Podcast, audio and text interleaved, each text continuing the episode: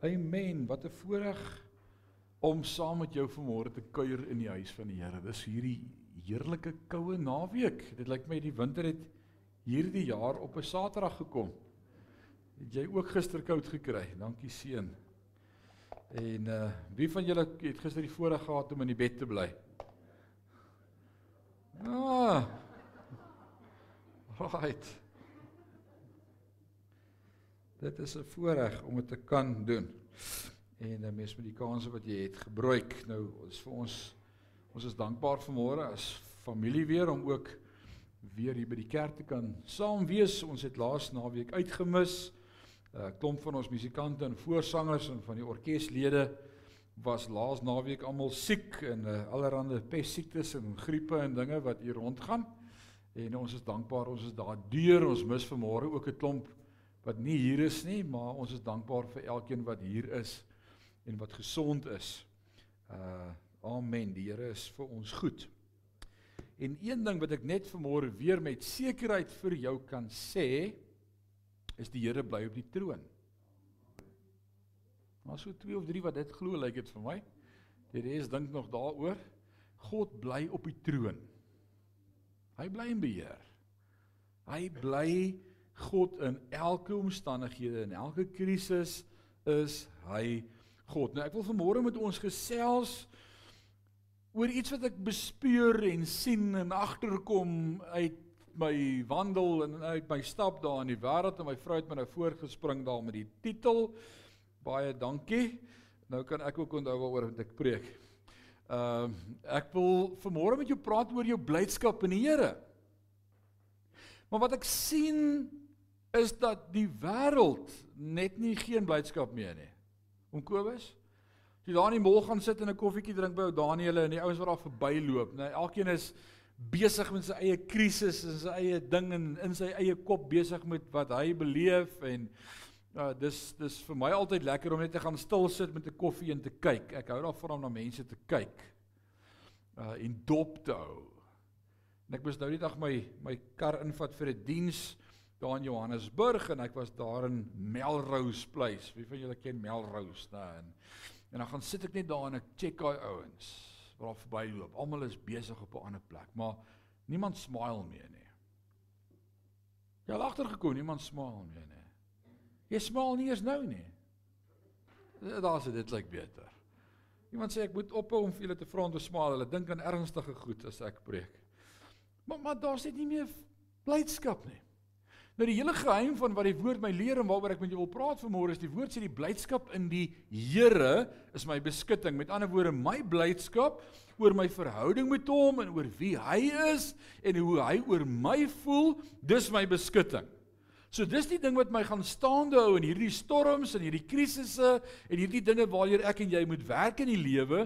Dis nie hoe ek voel of wat met my gebeur of my omstandighede nie, maar my blydskap is in die Here. Alraai, so ek wil met jou daaroor praat vanmôre want ons is besig hierdie jaar met die reeks wat sê hy wat sy vertroue in die Here stel word weer bekragtig met krag uit die hoogte. Want die woord sê hy sal hom aandoen met krag uit die hoogte en hy sal opvlieg soos arende. Alraai, so kom ons praat vanmôre oor hierdie blydskap wat ons in die Here het. Dan kom ek al my horlosie af en dan praat ons vanmôre saam. Wie van julle het vanmôre op pad kerk toe jou vrede verloor? Niemand gaan nou hulle hande opsteek nie, né? Nee, nie ons nie.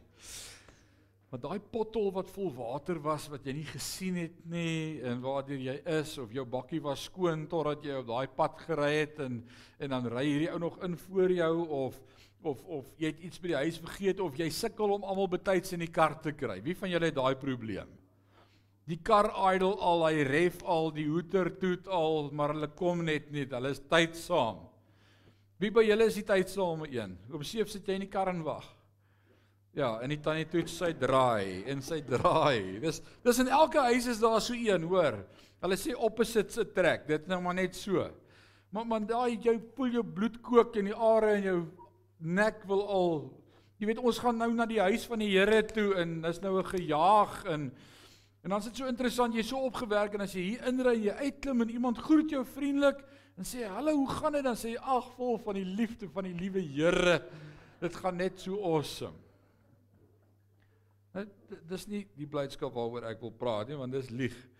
En ons sukkel almal daarmee. Maar hoe verbly ek my te midde van omstandighede in die Here? En ek wil vanmôre 'n groot geheim met jou deel wat vir my net so 'n blessing was. En en ek gaan ons terugvat na die Ou Testament toe en ons gaan vanmôre saam lees uit Eksodus hoofstuk 2 uit. En ons gaan vanmôre uit Eksodus 2 uit kyk en sien hoe kan ons dit regkry om te midde van omstandighede ons blydskap in die Here te vind. Nou Eksodus is 'n great boek met great geskiedenis en great stories en gebeure en uh, geskiedenis is die boek wat vir my leer van die baba in die bisie mandjie. Kan julle dit onthou? Ja, en al ons kinders sou sê, "Yes, nee, ons onthou die baba in die bisie mandjie." Maar daai baba het groot geword.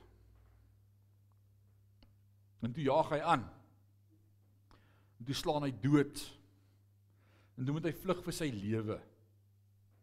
En toe trou hy met 'n vrou van 'n ander volk, 'n swart vrou. En hy pas sy skoonpa se skape op in die woestyn. Want sy skoonpa was nou nogal 'n 'n afgodsaanbidderspriesters ook gewees. En dit lyk asof die hele verhaal vir ons wys hoe almal se lewe uitmekaar val. God se volk in ballingskap 400 jaar in Egipte, hulle bou piramides, hulle werk hard, hulle word geslaan en en in die sweet van hulle aangesig werk hulle in ballingskap en en hier's gebeur terrible goed met hulle en, en waar is God in alles? Waar's God in hierdie storie? Wel, Kom ons lees vanmôre vers 23. Liefie, jy kan maar volword daar. Hulle sal daar wees. Daar's vers 23. Baie jare het verbygegaan. Sê saam met my baie jare. So baie jare het verbygegaan. En daardie koning van Egipte is later dood. En die Israeliete het egter nog steeds gebuk gegaan onder slawerny. Hulle het om hulp geroep hulle gesoebat om bevry te word van die harde werk het na God toe opgestyg. Kom ons staan net daar stil vir 'n oomblik. Hierdie wat ek en jy hier lees van Israel se situasie en sy omstandighede is die horisontale perspektief waaruit hulle tot God bid. Dis hulle werklikheid, dit wat hulle kan sien. Slawerny, ellende, krisis, geen leier wat die volk kan lei nie, uh leierloos, belofteloos, goddeloos. Help ons. En uit hierdie horisontale perspektief uit bid hulle tot God. En ek wil sê hulle het nie 'n vertikale perspektief nie, want hulle weet nie wat in die hemel aangaan nie. Hulle weet nie wat God se plan is met hulle toekoms nie. Hulle weet nie wat God besig is om reg te skuif nie. Hulle weet nie wat is God se idee nie. En so is ek en jy ook bewus van ons horisontale persepsie of perspektief of realiteit, noem dit wat jy wil, maar ons weet nie wat is God se vertikale plan met wat gebeur in ons lewe nie. Ons is clueless om die minste te sê.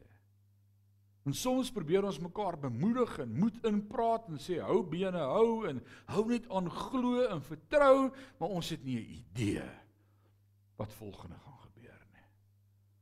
Ek sit met my boetie Dani en ek probeer hom bemoedig en inspraak in sy lewe en sê hoorie maar hou net nog bietjie uit, maar dit is soos ons het nie 'n idee waarmee ons God besig nie.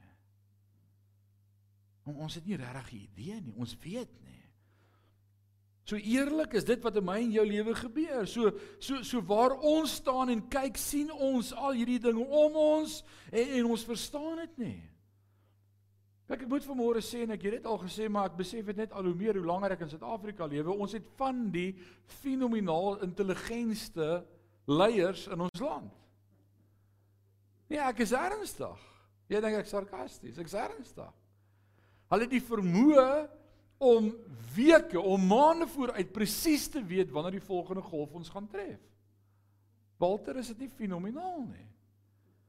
Dit dis dis fenomenaal.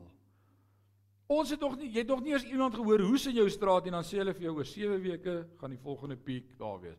Hoeveelste vlaag is ons nou? 5de. Wie volg dit? Die getalle en die syfers dan sien ons elke dag klim dit. En dan begin ons bid en ons ons hele bidkringetjie en ons familiegroep en al bid en sê Here die syfers moet af. Dit moet net minder en dit moet verby. En so het ons nou al 4 keer deur hierdie storie gebid en en as dit begin afgaan dan ag oh, dankie tog die Here het gehoor. En dan gaan dit weer op en dan wat dan? Interessant. En selfs in hierdie 2 weke wat ons by die huis is en siek is sê ek op 'n stadium vir my vrou vrou, almal wil graag hemel toe gaan. Is dit nie so nie? Ja, sê sy. Ek sê totdat jy siek raak, dan wil jy hier bly. Dan wil niemand doodgaan nie. Jy wil net by 'n dokter uitkom medisyne kry en beter voel. Jy wil net nie nou gaan nie. Nou hoe gaan jy in die hemel kom? O Paulus het iets verstaan van dit. Is dit nie as hy in Filippense 1:6 sê, vir my is Christus die lewe en om te sterf is 'n wins. En as dit nou is hoe die Here my daar wil hê, dan kan hy my so vat want God is in beheer van alles. Dit smokkel nogal met ou se kop om so te begin dink. Maar is bevrydend. Want jy's nie die hele tyd in angs en bang en wie al ons is nou in 'n bietjie langer as 'n jaar nou al twee keer deur hierdie pes in ons huis. En ek wil vir jou sê, een ding wat ek van seker is, is die Here is altyd by jou, hoor. Jy gaan na deurkom. Dit is nie so erg nie. En as jy moet gaan, Stuur groete, ons is op pad. Ons het gesing vir mekaar in die sonnaskool. As jy daar kom voor ek daar is, kyk uit vir my. Ek kom ook aan. Onthou julle dit? Tot jy begin dan ek o, net nie nou nie. Nee man. Smile. Moet dat jy die goed jou onderkry nie. Maar dis ons horisontale perspektief of persepsie. Dis dis hoe ons na dinge kyk en en dis nie noodwendig en hoor mooi wat ek vanmôre sê, wat ek sien en dink is nie noodwendig die waarheid of wat regtig gebeur nie. Dis my persepsie. Dis my idee. Ek dink dis my krisis. Maar jy weet nie regtig So so hoe kan ek dit regkry om nie wat my oë sien en wat my lyf beleef my werklikheid te maak nie, maar nog steeds te midde van dit in God te kan bly wees en hom te kan eer en bly te kan wees oor wie God is. Hoe kan ek dit regkry? Wel ons doen dit nie want ons het nie 'n vertikale persepsie nie. So kom ons kyk vanmôre na die vertikale persepsie van die feite van waardeur Israel op hierdie stadium gaan in Egipte is hoofstuk 2 wat ons besig is om nou te lees is nog baie ver van die Rooi See af. En nog 40 jaar verder van die beloofde land af. En nog 'n paar honderd jaar verder van die koms van die Messias af. En hulle het nie 'n idee van die vertikale persepsie nie. Maar hulle realiteit, hulle bid uit hulle krisis. Hulle is moeg vir hard werk.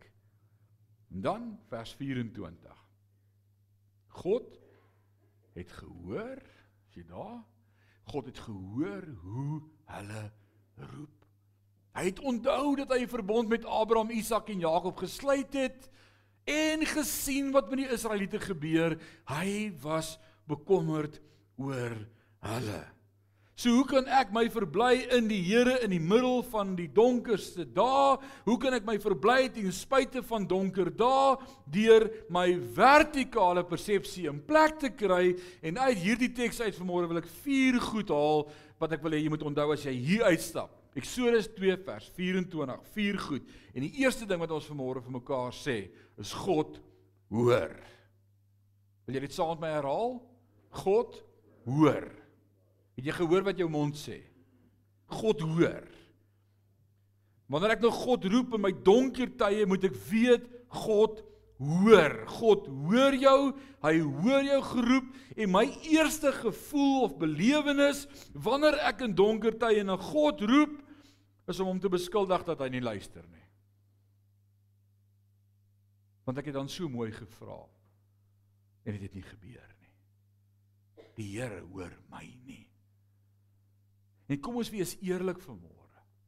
Elkeen van ons het al deur 'n krisis in ons lewe gewerk wat ons hierdie vir onsself moes uitklaar. Wat jy gedink het. Die Here hoor my nie.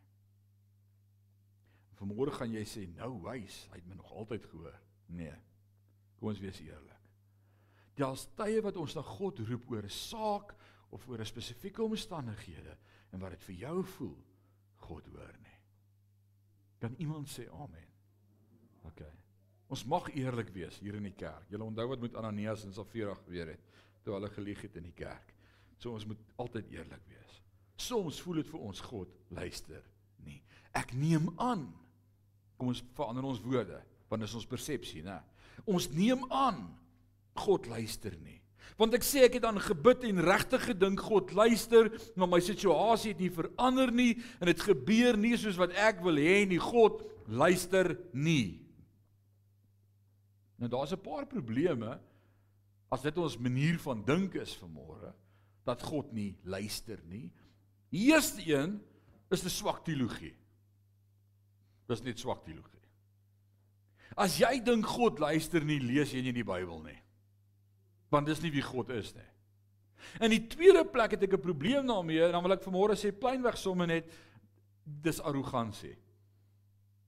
As jy dink God luister nie, wil ek vir jou sê ons is bietjie arrogant. Want ek sal goed hoor soos ek het gebid en God hoor nie. Wel ek wil vir jou vra, hoe weet jy dit? Hoe hoe weet jy God het nie gehoor nie? Ja, maar ek het nie gekry wat ek gevra het nie. Regtig, en moet God vir jou alles gee wat jy vra?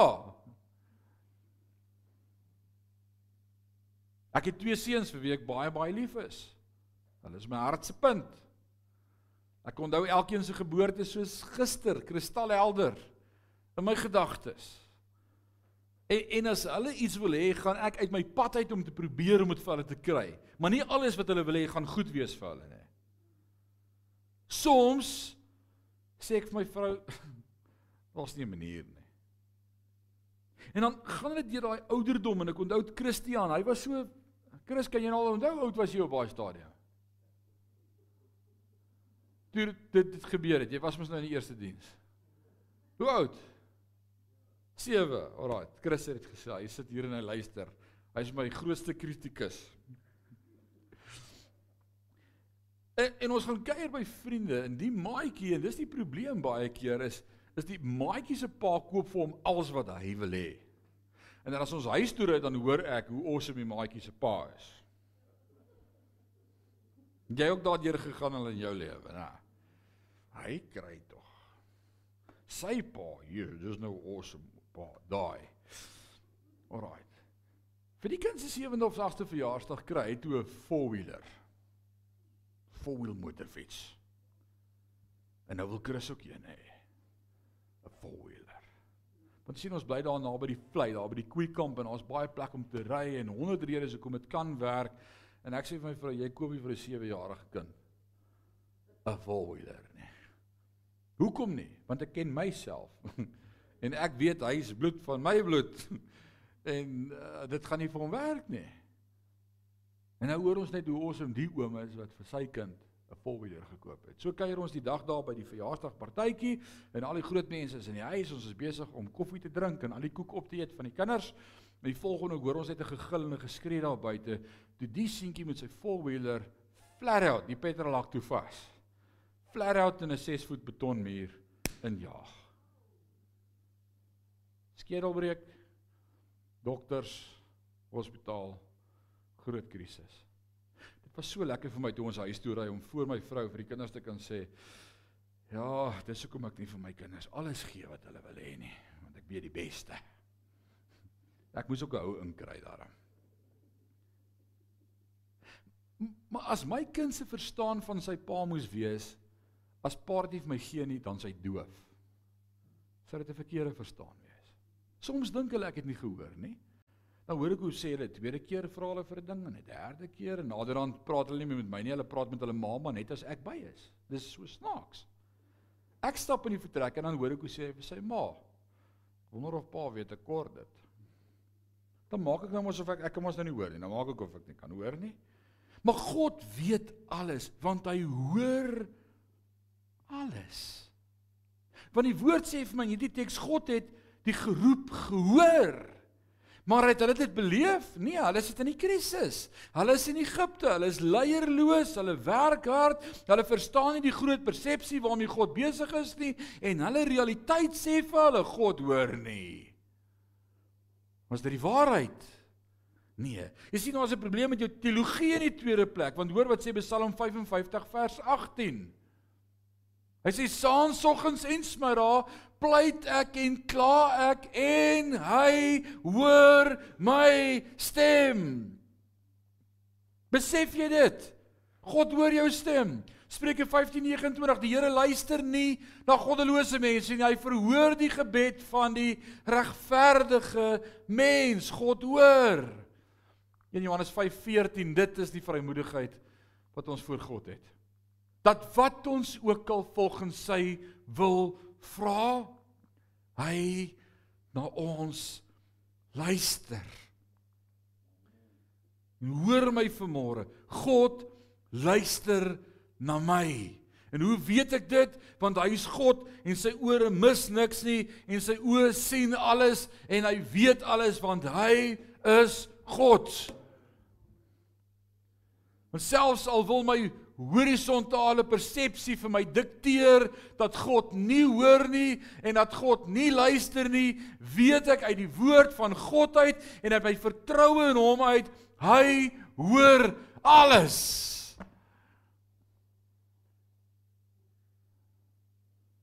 En selfs al sal van die mense om my vir my vra, hoor God jou uit? Weet ek hy hoor. Ek het 'n vaste wete hy hoor. God hoor ons en is 'n voorreg om deur God gehoor te word. Om met hom tyd te spandeer in gebed en te weet hy hoor. Ek luister soms hoe mense bid. Ek moenie maak doen. En dan kan jy uit iemand se bid of se manier van bid hoor of hy dink God hoor en of hy dink God hoor nie. Ek weet jy waarvan ek praat? Jy jy kan uit iemand se manier van hoe hy met God praat agterkom of hy dink die Here hoor en of hy dink die Here hoor nie. Of hy dink die Here weet en of hy dink die Here weet nie. Ah. En die rede waarom ons dink God hoor ons nie is omdat ons nie kry waarvoor ons vra nie. Ek wil vanmôre vir elkeen wat hier sê as jy nooit weer kry waarvoor jy bid nie. Nooit weer nie is dit vir my genoeg om te weet God hoor my. Jy moet mooi hoor wat ek vir môre sê. Al kry ek nooit weer wat ek vra nie. Is dit vir my genoeg om te weet God hoor my. En dis wat my staande hou. Nie sy voorsiening nie, not the gifts that the God who is hy hoor my hy ken my stem tweedens God hoor nie net nie maar God onthou vir wie is dit nuus amazing God onthou hy vergeet nie Hy onthou, hy onthou sy verbond met Abraham en Isak en Jakob sê die teks vir ons. En dis so groot, hy hoor, maar hy onthou. En die aanklag van Israel was God het van ons vergeet. Waar's al die beloftes wat God gegee het vir ons? Ons is die volk van die Here. Ons herinner aan ons sy beloftes, maar God het vergeet. God het vergeet van ons. Ons het nie 'n leier nie. Ons is in slawerny al vir 400 jaar. Waar's die beloofde land? Waar's God se voorsienigheid? Waar's die geslag van Abraham soveel soos die sand van die see en die sterre in die hemel? Ons is maar 'n handjie vol. Waar's God se beloftes? God het vergeet en dan sê die teks God sê ek onthou. Ek onthou die beloftes. En baie keer wil ons sê God hoor ons nie en God onthou nie. En jy sien wat hulle nie kon sien nie is dan God dit nog nie gedoen het nie, maar hy hou sy woord en omdat ek weet God hoor en God onthou, hou ek vas aan hom. Hy weet die beste. Ek glo dit. En baie keer wil ons vir die Here vertel wat ons dink hy nodig het om te doen en Here as U dit so doen en as U net so en so maak en as die een net kan ja sê en daai een net so maak, Here dan's alles uitgesort. Doen dit nou net vir my asseblief. En dan gebeur dit nie so nie en dan sê ons God hoor nie. Of God verstaan nie. Of God onthou nie. Daar's ook 'n derde woord uit hierdie teks uit vanmôre. Nie net leer ons God hoor nie, nie net leer ons God onthou nie. Die teks sê ook vir my God sien. Wil jy dit saam met my lees? God sien. En dit kan ons nogal pla. Kom Kobus. Dit dit dit kan nogal 'n probleem wees. Want wat ons so graag wil aanneem in ons donker dae, in ons krisisuur, in ons ellende, in ons situasie, is ons sal eerder graag wil sê ek dink nie God sien my nie. Want dit regverdig dan nou alles waartoe ek moet gaan. Maar hoe versoen ek 'n God wat alles sien met waartoe ek moet gaan? Ek bedoel as God gesien het, sou dit nie gebeur het nie. Dis wat ons vir mekaar wil sê, maar dit is nie waar nie. Want die woord leer my dat God slymer of slaap nie. Dat daar niks gebeur waarvan God nie weet of sien nie. Hy sien alles. So in jou vraag waar was God dan daardie dag toe dit gebeur het? Waar was God dan toe ek hom vertrou het vir die wonderwerk? En dit nie gebeur het nie. Waar was God en ek het ek het so vertrou dis van hom en dat dit gaan werk. Maar nee. Die Here sien nie. God was op presies dieselfde plek waar hy was die dag toe ons sy seun Jesus Christus aan die kruis aan die kruis vasgespijker het en hom doodgemaak het. Dit is presies dieselfde plek waar hy was. Hy was besig om 'n ewigheid saam met hom vir ons te bewerk. Want hy kan sien wat ons nie kan sien nie en hy weet wat ons nie weet nie. En hy ken die einde van die begin af. Soos iemand weer vir jou vra maar waar was God dan? Dan kan jy vir hom sê op presies dieselfde plek waar hy was toe hulle sy seun doodgemaak Hy was in beheer. Hy het sy plan laat uitvoer. En soms is die plan seer. Soms is dit wat met my en met jou gebeur nie lekker nie. Dit was beslis nie vir Jesus lekker nie. Hy bid daardie aand in die tuin voor die tyd. Hy sê as dit U wil is, laat hierdie beker by my verbygaan. Ek sien nie kans vir hierdie beker nie, maar nie my wil nie, U wil.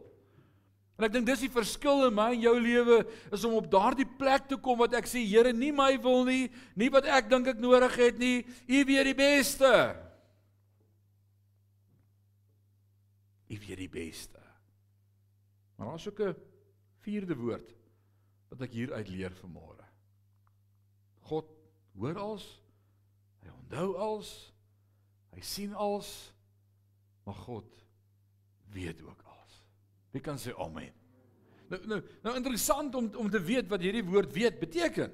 Want hierdie woord weet wat hier vir my opgeteken is is nie wat jy gedink het jy weet weet beteken nie.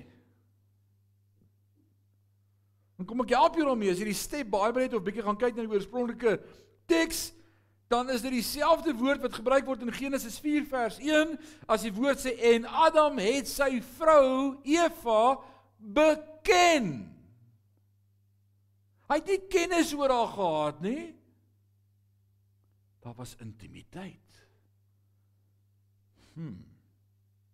So as die woord hier in Eksodus 2 met my praat oor God ken my, dan sê hy hy weet alles van my. Ek is vir hom deursigtig. Hy weet wat ek nodig het. Hy weet wanneer ek dit nodig.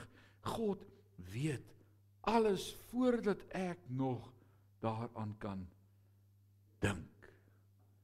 God weet wat ek ook kan hanteer, beter as wat ek weet wat ek kan hanteer. Wie van julle is hierdie jaar so ver deur 'n krisis of deur 'n beproewing of 'n moeilike tyd? Steek 'n bietjie die hande op as jy deur ek het vanmôre met tannie Rose gepraat en op 'n pragtige ryp ouderdom van 85 vertel sy vir my van alles waardeur sy die laaste 5 maande moes gaan en twee geliefdes verloor aan die dood en hoeveel keer in die hospitaal en uh, net die Here het haar deurgedra. Maar jy gedink elke keer jy gaan nie deurkom en dit maak. Of het jy 'n paar keer deur die kant probeer gedink nee nou gaan ek opgee. Nou is dit die einde. Jy sien soms dink ons ek ek gaan dit nie kan maak nie. Ek gaan hierdie krisis nie kan maak nie. Dan hierdie dat jou krisis met jou gebeur het. Is dit 33 jaar terug? 31 jaar terug. Daardie aand toe jy 'n tyding kry van jou twee oudste dogters wat albei oorlede is. Jy gedink ek gaan dit maak. Ek weet jy vir jouself gesê ek gaan dit kan maak nie. Ek en jy is kort kort in sulke krisisse waar ons vir mekaar sê ek gaan dit nie kan maak nie. Maar hy ken my. Hy weet dat hy my gaan deurdra. Hy weet dat hy my vashou in die holte van sy hand en as ek nie daardeur gegaan het nie, sou ek ooit kon leer om hom te vertrou. Of as ek terugkyk, verstaan ek net eintlik, "Ag, oh, hy's so amazing. Hy het my deurgedra. Deurgedra deur die storms van die lewe." Ek kan my verbly in die Here want hy is my verlosser. En hy hoor en hy onthou en hy sien en hy weet. Nou interessant, hier is my slot. Ek skryf hier slot, ek kom in vir 'n landing. Ander predikers sê ek haas my. So nou kan jy bly raak. Hier kom die einde. Alraai. En party ouens sê as hulle dit sê, moet jy weet nou begin hy eers lank preek. Ek gaan nou regtig ek haas my. Die boodskap van die hele Bybel is dit. God hoor. God sien. God weet. God hoor. Hy's God. In in in Genesis 1 en 2 vind ons die skepingsverhaal, die die skepingsverhaal. God maak alles. Hebreërs sê vir ons niks het ontstaan sonder Jesus nie. Uh, Johannes 1 vers 1 in die begin was die woord en die woord was by God en die woord was God, né? Hy's van die begin af. En dis nogal een van die goed wat die duiwel bevraagteken in ons tyd rondom die skepping is het God regtig dit gedoen? Het dit nie van self gebeur nie? Wel dis Genesis 1 en 2 en dan kort daarna kom die sondeval in Genesis 3 en deur die sonde sê Paulus aan die gemeente in Rome deur die sonde kom hy dood. Sonde bring dood en nou sien ons die hele verhaal van Genesis 4 af tot en met die kruis want dis nou die storie wat gebeur. Hier's nou dood. Niemand leef meer vir altyd nie. En hier's nou 'n konstante oorlog. Maar maar saam met hierdie sondeval is daar 'n vloek wat uitgespreek word deur God. Nou, julle ken die vervloeking. En in hierdie vloek is daar eintlik 'n blessing. Daar's 'n belofte wat as jy dit gaan mislees in Genesis 3 vers 15, mis jy die hele verhaal van waaroor die Bybel gaan.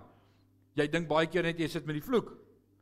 Maar maar Genesis 3 vers 15 sê en ek sal vyandskap stel tussen jou en die vrou, tussen jou saad en haar saad, en hy sal jou kop vermorsel en jy sal hom die hakskeen byt.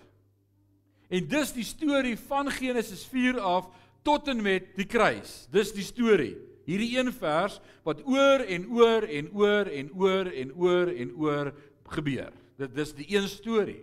Dis hoe ons die Bybel lees.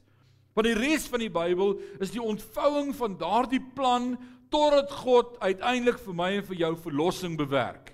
Dis waaroor alles gaan. Alles gaan oor ons verlossing. So kom ons kyk vanmôre. Want in hoofstuk 4 kom die saad van die slang en die saad van die vrou en dan is daar dood. Kain en Abel. Kain slaan vir Abel dood. Nou wat nou? Hoe hoe gaan God se plan nou realiseer? Maar dank God, hy hoor en hy sien en hy weet en hy onthou en nou gebeur daar iets amazings. Daar word nog 'n seun gebore met die naam van Set. En God sê dis my plan. Set. Vat dit vorentoe. En dan Set in hoofstuk 5 kry ons vir 10 generasies van Set af tot by Noag vir 10 geslagte voorsien God elke keer op sy manier. Elke keer val die prentjie in plek deur die bloedlyn van Set en nou het ons uiteindelik vir Noag die beloofde saad en Noag en sy drie seuns en sy skoondogters is in die ark en nou gebeur daar 'n ding aan die ander kant toe die ark stop toe maak Noag wyn hy moes 'n paar drywe saamgevat het hy het al gedink die pad gaan lank raak the road is long en en toe staan wyn en en wat nou wat wat watter seun van die van die drie is nou die een wat God kies. En God kies vir Sem. Uiteindelik kom ons by Terra. Terra was die vader van Abraham, die beloofde saad, die een met wie God die verbond aangegaan het, Abraham. En Abraham vat die belofte en hy maak dit syne en toe langs die pad besef hulle hier's nou net een groot bietjie probleem is Sara is al oor die tyd. Sy sy's nie sy's onvrugbaar. Sy Sy's oor haar jare. Hoe oud was Sara? 80. En Abraham? 100. En dit is grait om 'n belofte te hê, maar soms eh, is die realiteit, die horisontale werklikheid, die realiteit van wat ek sien, is net bietjie anders as wat God in gedagte het, want ek weet nie hoe gaan die Here hier iets doen nie. Ons is dood. Dan probeer hulle eie plan maak by die slavin, En dan word Ismael gebore en dan sê God, "Ag, eh, ek wil jy moet my vertrou. As ek gesê het ek maak 'n plan, maak ek 'n plan. Moenie jou eie planne probeer maak nie." So in hierdie hele storie van planne maak, leer ons kort kort van ouens wat hulle eie planne wou maak. En ons sukkel vandag nog met die moslems. Dis die Christendom se grootste probleem op aarde en ons het ons eie plan gemaak. Dit was ons plan. Ismael. Maar God sê ek gryp in en dan's daar die Isak. Ha, dank God vir Isak. Die generasie kan aangaan, die die belofte kan aangaan, die plan kan aangaan. Hierdie geveg tussen lig en duisternis kan aangaan. En dan het Isak hoeveel seuns? 2. Esau en Jakob. En dan van die begin af is Jakob die bedrieër. Die een wat vir Esau se hakskeen vas gevang het daar in die baarmoeder al en en en en die bedrieër. Hy bedrieg tot sy pa om eersgeboorte reg of 'n blessing te kry. Hy hy steel dit by sy broer met 'n pot lensies op. Hy's 'n bedrieër, 'n skelm. En Isak sou nooit vir Jakob geseën het nie. Maar die Paulus leer dit so mooi vir ons in Romeine 9 as hy sê dit wat ons gedink het nou is hier 'n probleem is wanneer God sê alles werk mee ten goeie. En ek dink daai aand toe Isak agterkom, hy het die verkeerde een geseën. Dink ek hy het gedink dis die einde van die lewe. Wat nou? Maar God dit bewerk tot 'n seëning. En dan bless hy vir Jakob. En God gee vir Jakob 12 seuns. Jakob dink hy weet met watter vrou hy wil trou. En dan werk hy 7 jaar by Laban vir sy vrou. En na 7 jaar, daai aand in die honeymoon toe hulle die lig aansit, toe kom hy agter, o genade, hier's moeilikheid. Ek het die sussie gevat. Nou kyk, ek weet ook nie maar in geval, kom ons los dit daar. Maar hy het die sussie gevat. Ek dink ek sou weet, maar maar hy kon dalk onnoosel pleit. En, dan sê hy, maar dis nie die een wat ek wou hê nie. Ek het my plan, dit was my vir dis die een wat ek wil hê. Ek wil hierdie een hê nie. En dan werk hy nog 7 jaar. Nou, hoe dom kan jy wees? nog 7 jaar en dan gee hy vir hom hoeveel seuns? 10 seuns. En hierdie een wat hy nie wou hê nie, gee vir hom 2 seuns. En wie's die een wat God dan kies om hierdie storie te laat aangaan wat die hele herhaal is van Genesis 3 vers 15. Hierdie storie moet aangaan en dan skielik op die toneel verskyn wie? Wie's prominent dan? Josef. Josef is die seun en en Josef word in die put gegooi en sy kleed word teruggebring vir sy pa en sê sorry, hy het dit nie gemaak nie. Die leeu het hom opgeëet wat ons like hom nie en dan en dan sien ons die prentjie en 'n tipe van Christus daarin en en hoe Christus vir ons sonde geword het sodat ons kan word die geregtigheid en dan word hy herstel en hierdie proses eers weggevoer in slawerny in die tronk kry drome naderhand in die paleis En dan is daar hongersnood oor die wêreld en Jakob stuur 10 van sy seuns Egipte toe om te gaan kos soek.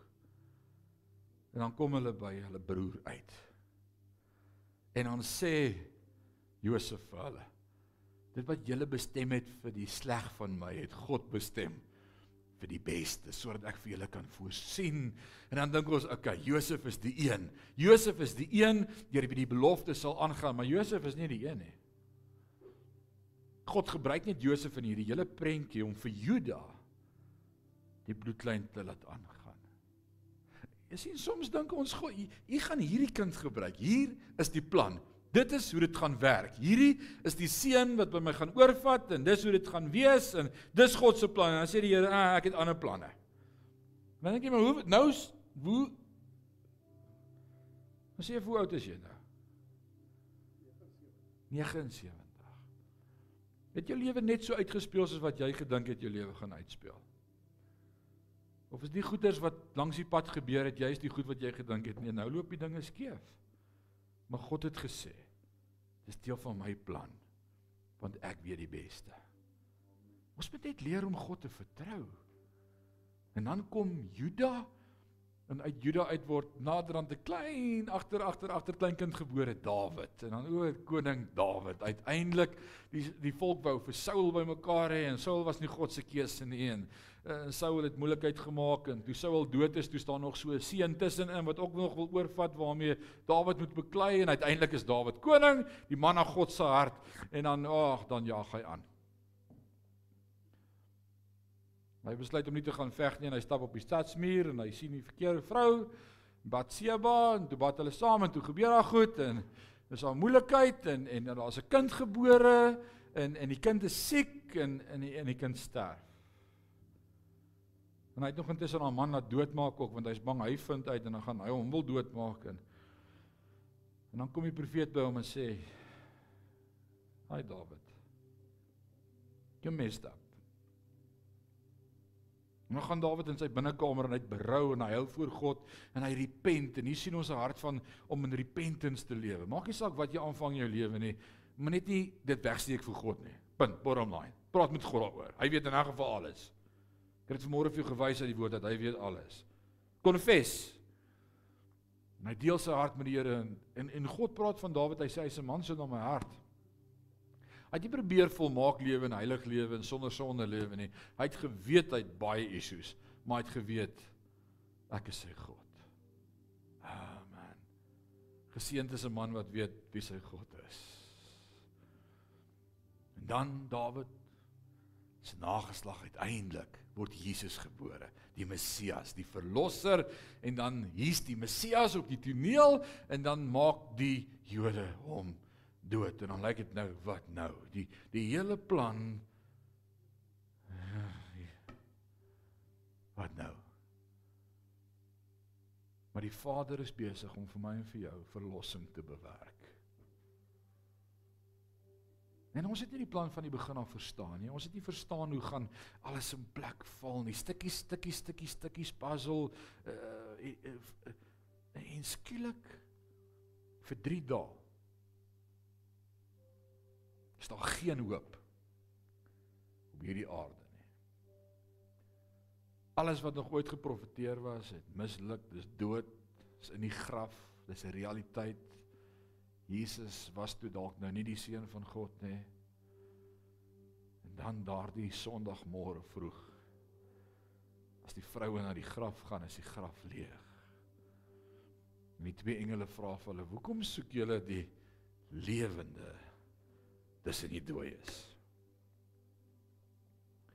En ek kyk na my eie lewe en dinge wat ek gedink het anders gaan gebeur as wat dit gebeur het en en en ek hoor hoe die Heilige Gees vir my vra, "Hoekom soek jy die lewende goeters tussen die dooie goed?" Hoor jy wat ek sê vanmôre vir jou? God hoor. God sien. God weet en God onthou. As ek dit weet, dan kry ek dit reg om te midde van hierdie storm, te midde van COVID laasweek in 'n in 'n lyf wat pyn en alles wat ellendig is, sing ek lofsange teenoor die Here in die bed. Ek is actually opgewonde. My vrou vra op bestaan nou wat nou? Ek sê wel as dit is hoe ek moet gaan, dan gaan ek. Maar COVID is nie die baas nie. God is in beheer.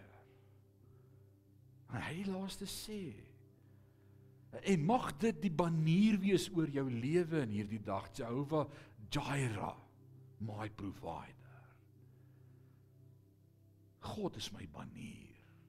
En hy die laaste sê en hy weet en hy hoor en hy sien en hy onthou. Dis vir iemand vanmôre is hierdie hierdie woord.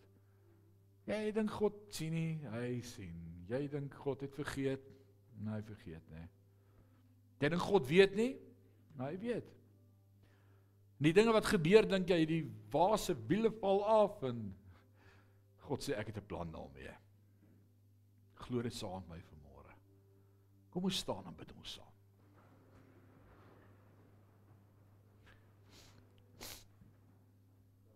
Ewige God en Hemelse Vader, is wanneer ons vanmôre voor U staan met ons sag in die bewustheid dat U hierdie groot almagtige God is. En nog steeds ten spyte van ons swakheid en ons menslikheid het U hierdie awesome plan met ons lewe en is U besig om ons op 'n journey te vat elke dag en Here, al wat ons vanmôre opnuut wil kom sê is ons kan bly wees in die Here want hy is amazing. He is great. He is awesome. He is U is alomteenwoordig, U is God, U is soewerein, U ken die einde van die begin af. U hou ons vas in die holte van die hand, U het beloftes aangaande ons, U vergeet dit nie. Uh U is die beste. En dit wat nog nie eens by my opgekom het nie, het U reeds in U gedagtes en U weet alles. En al wat ek vanmôre nodig het om te onthou is u weet en u sien en u ken my en u onthou alles. U is God en u is in beheer en dis genoeg. Dis genoeg vir my om te weet dat u my liefhet. Dis genoeg om te weet dat u 'n plan het met my lewe en dat u vir my gesterf het aan die kruis en dat niks my ooit kan skei van die liefde van Christus nie. Ek eer u daarvoor. Here, dit maak dat die dinge waardeur ek moet gaan ek vanmôre kan bely omdat hy leef sien 'n kans vanmôre. Omdat hy leef verdwyn my vrees. Omdat ek weet ja, ek weet hy hou die toekoms. En die lewe is die moeite werd omdat hy leef. Ons dankie vir die kruis, ons dankie vir die opstanding, ons dankie vir die leë graf, ons dankie vir 'n ewige lewe saam met hom. Ons dankie. In Jesus naam en Sion sê amen en amen. Hou vas aan dit wat jy